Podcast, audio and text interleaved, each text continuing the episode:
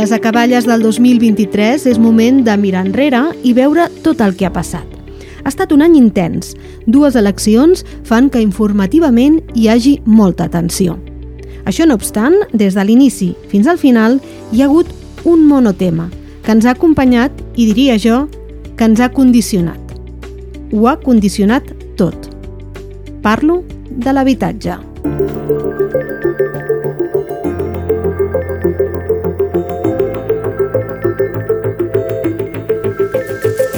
Hola, sóc l'Ester Pons, això és l'Altaveu a fons i aquesta setmana he demanat als companys de l'Altaveu Digital que m'expliquin quina o quines han estat les notícies que per a ells han marcat aquest any que s'acaba.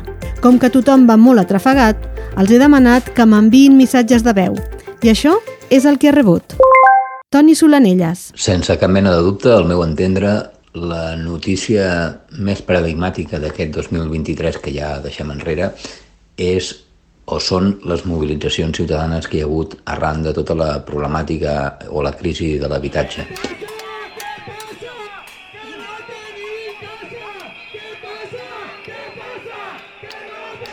Eh, tant per la problemàtica i el temps que fa que, que dura, com sobretot perquè el fet que la gent a Andorra hagi sortit al carrer massivament, massivament tenint en compte eh, les poques reivindicacions que hi ha hagut i més encara al carrer en aquest país. Associat a això, segurament molt a veure hi tenen els resultats eh, de les eleccions comunals, que és una altra de les notícies de l'any. El fet que les tres eh, parròquies amb més població no estiguin, després de molts anys, en mans de demòcrates. Ara ens toca demostrar que hi ha una altra manera de fer que hi ha una altra manera de fer política i que, les, que als comuns lo important no és el turisme, sinó la ciutadania. Intentaré ser breu perquè sé que ha estat un, un dia llarg i un dia que en definitiva jo crec que per, per demòcrates i pels seus aliats i intentaré ser el més objectiu eh, possible i el més realista possible, perquè a vegades doncs, en aquestes nits electorals tots tenim tendència a dir que tot és meravellós i crec que tampoc fem un favor als ciutadans si ho fem. No? I crec que el que podem dir, intentant ser molt objectiu i ser molt realista, és que la sensació és mai més que mai agredolça. Les eleccions generals a l'abril, amb la majoria absoluta de Xavier Espot, és un altre element important d'aquest 2023 i com a tema d'aquest 2023 i segurament que continuarà sent el 2024 o segurament serà el tema estrella del 2024 com a mínim dins dels, previs, dels temes previsibles aquesta finalització de les negociacions de l'acord d'associació amb la Unió Europea i allò bo i no tan bo que obre, aquests interrogants que deixa i que segurament el 2024 ens permetrà resoldre'ls o com a mínim resoldre'ls amb major mesura. Meritxell Prat. Hola, Esther. A veure, sobre el tema aquest de les notícies del 2023. Doncs des del meu punt de vista, el 2023 ha estat totalment marcat, òbviament, per la crisi de, de l'habitatge i aquí afegiria també les múltiples derivades que comporta i que jo crec que poden marcar també un abans i un després en l'esdevenir del país. Um, Parlo, per exemple, de la reflexió de si el país ha de continuar creixent o pot continuar creixent al ritme que, que ho ha fet fins ara. Parlo d'aquests estudis de càrrega que tenen encarregats els comuns i que encara no s'han acabat de, de tancar. Eh, i, I en aquest cas, per exemple, també d'aquí deriven doncs, algunes revisions dels plans d'urbanisme que, que ja s'han fet, com en el cas de Canillo, sobretot a Ordino, no? amb aquesta reducció de manera significativa de l'edificabilitat, que això és una cosa, doncs, em sembla també prou rellevant que fins ara no, no estàvem acostumats a veure-ho. I fins i tot també eh, doncs aquest plantejament de quina i com ha de ser la inversió estrangera eh, a Andorra, no? que, que va ser una aposta molt gran en un moment de sortida de la crisi econòmica que hi va haver, amb el seu moment amb el govern de Toni Martí, i ara doncs, estem veient unes conseqüències que en aquell moment segurament ningú havia pensat. Sense concretar xifres, però la, la sensació que tenen del nivell d'especulació que hi ha és gaire elevat Sí, jo tinc una sensació, sí.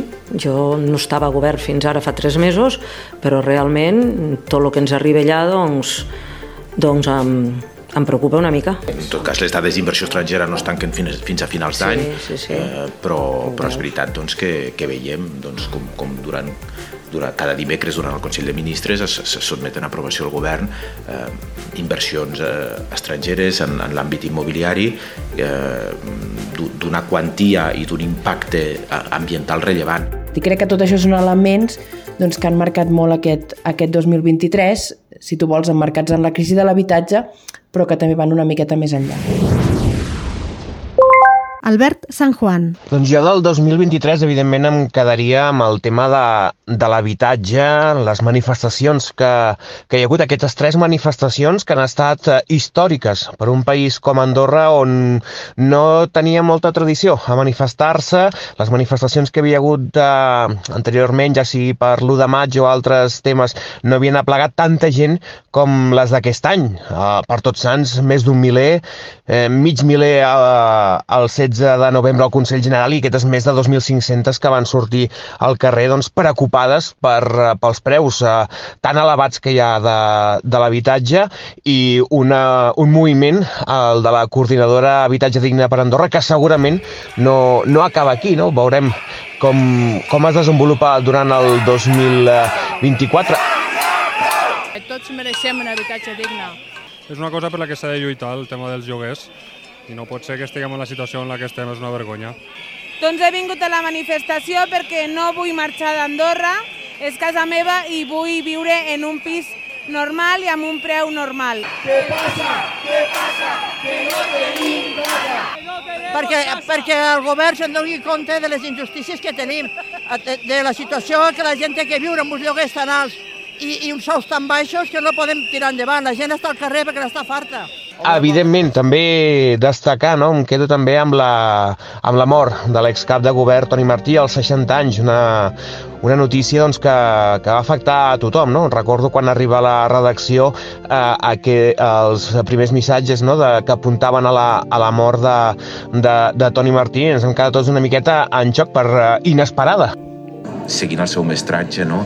I, i, i seguint la seva estela, doncs jo el que vull és, com a mínim, els últims tres anys de la meva carrera política eh, com a cap de govern, doncs, eh, seguir inspirat no? I, i seguir atenent a, les seus consells, a la seva manera de veure les coses, a la seva ideologia política, en la qual jo també em sento molt identificat i reconegut. Uh, un Toni Martí doncs, que, que va aconseguir una majoria absolutíssima l'any 2011. Tothom destacava que havia estat un home d'estat.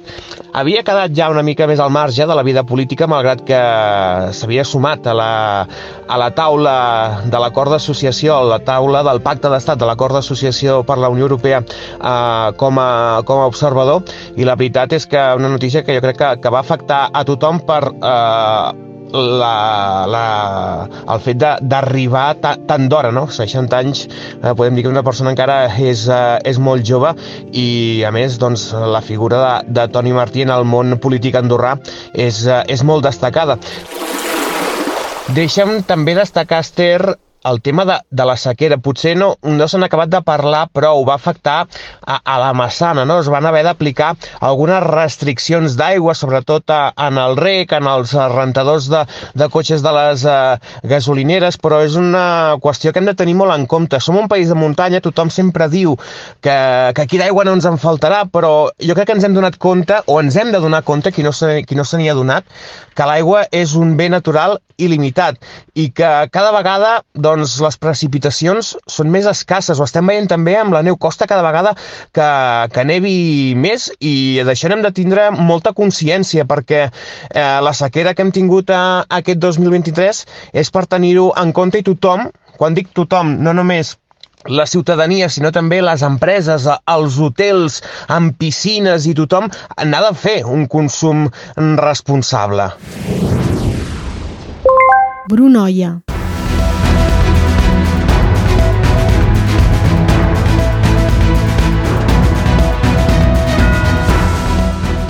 2023 ha estat un any marcat per les dues eleccions, les legislatives i les comunals, però resultats a banda, el que cal destacar és la dificultat que tenen els partits 30 anys després de l'aprovació de la Constitució per consolidar-se.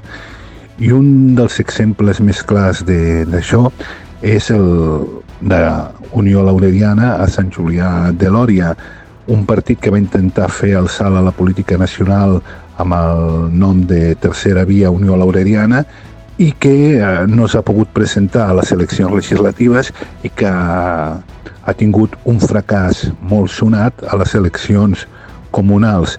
El que ha passat no hem tingut encara temps de fer aquestes valoracions, les farem a cap reposat, això és així. En tot cas, dir que hi ha hagut sorpresa, evidentment, teníem molt clar que això aniria molt ajustat, que seria un frec a frec, podíem guanyar, podíem perdre, pensàvem que seria molt més ajustat. En tot cas, la diferència és de 300 vots. No ens queda altra que felicitar els guanyadors, desitjar-los els millors encerts, perquè els seus encerts eren els encerts per Sant Julià de Lòria i per tant nosaltres estarem aquí eh, col·laborant amb allò que puguem, aportant el que puguem per Sant Julià i la ciutadania ens ha col·locat a l'oposició, doncs farem oposició. Siguin quins sigui els motius, no hem d'oblidar que Unió Laureriana és actualment si no el més antic, potser els més antics partits que configuren el panorama polític andorrà. Gabriel Pérez. El 2023 eh, ha estat un any amb, diguem-ne, eh, dues parts diferenciades pels dos equips professionals, de, els dos clubs professionals del país, el Futbol Club Andorra per un costat a la Lliga Hypermotion, el que seria la segona divisió espanyola, i el Morabanc Andorra.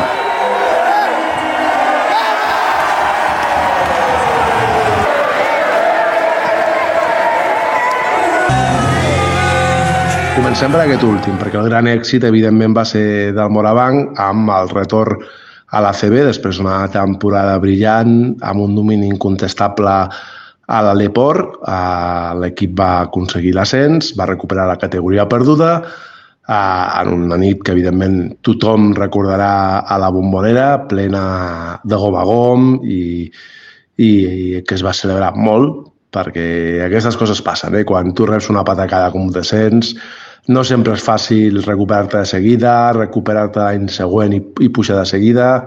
Hi ha molts equips històrics en molts jocs, en molts esports que els hi ha costat i fins i tot que no han aconseguit fins ara, per tant, eh, té molt de mèrit el que va fer el Morabanc. I com ja dic, ha paraules, soc molt feliç ara mateix. Simplement disfrutar aquest moment, que és increïble, no hi ha paraules. Alegría, bueno, un poco contenida, mucho alivio eh, y agradecimiento, ¿no? agradecimiento a toda esta gente que hay aquí dentro. El suport que hem tingut avui és espectacular, no podíem... I el que dèiem, a la segona part de la temporada, doncs, eh, o la segona part de l'any, canvi de categoria, Lliga ACB, i no acaba de rutllar. Va tenir un inici relativament esperançador, però el darrer tram de l'any ha estat bastant nefast, per dir-ho clar, amb moltes derrotes consecutives eh, i l'equip això ha fet que s'aproximi de nou cap a la zona de descens i per tant tornen aquells fantasmes eh, que Nacho Lezcano doncs, ha d'intentar treballar amb els seus homes per aconseguir espantar. I això que, per exemple, el club ha fet aquesta temporada una aposta important econòmicament parlant com és la, el fitxatge de Gian Montero.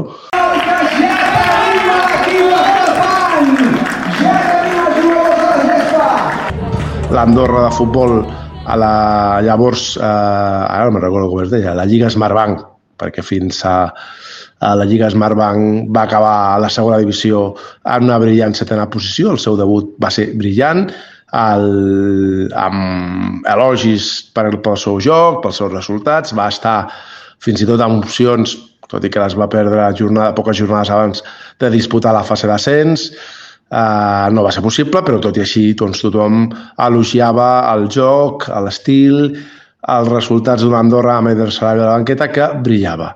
Uh, com el Morabanc, però, la segona part de l'any no ha estat tan bona.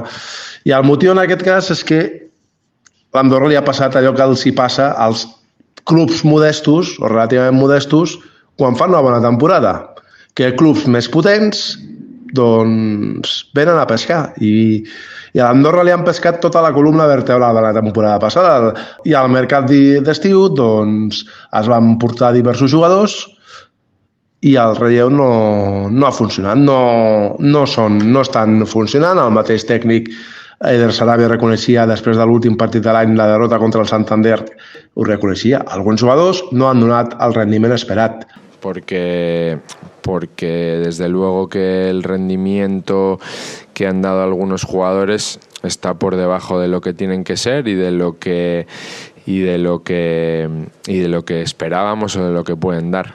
I per tant, doncs, això s'està notant. L'equip està a cinquè per la cua, és a dir, una plaça per sobre de la, del descens eh, i, evidentment, doncs, al final d'aquesta primera volta les alarmes estan enceses. Alba Baró. Hola Esther, s'acaba l'any i la paraula que engloba l'actualitat del 2023 és habitatge. Segurament serà el tema més esmentat pels companys de la redacció i per això, per no posar tots els ous en un mateix cistell, proposo un altre tema, en aquest cas de l'àmbit cultural és la reconstrucció del campanar de Sant Vicenç d'Enclà després que s'esfondrés la nit del 19 al 20 de desembre de 2019 a causa d'un fort temporal. Quatre anys després del tràgic succés, Sant Vicenç torna a brillar. Hem acabat l'obra de reconstrucció de, del campanar de Sant Vicenç d'Enclà i no només el campanar, perquè també hem, hem actuat a l'interior de la nau. El campanar s'ha de veure primer l'acabat que té. Aquest acabat que veiem que té unes línies ve de l'encofrat que hem fet servir per poder reconstruir el campanar.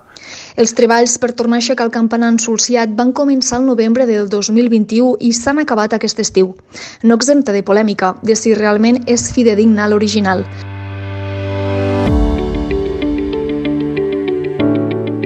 En qualsevol cas, aprofito per recomanar fer una visita a l'església que forma part del projecte de candidatura transnacional al Patrimoni Mundial de la UNESCO.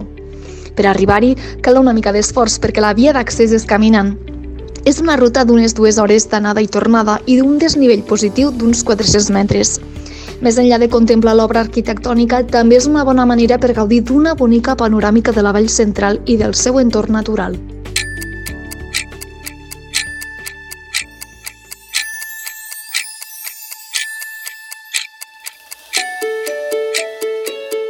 De ben segur que si us ho demanés a vosaltres trobaríeu altres notícies que també han estat rellevants i us convido a que hi reflexioneu.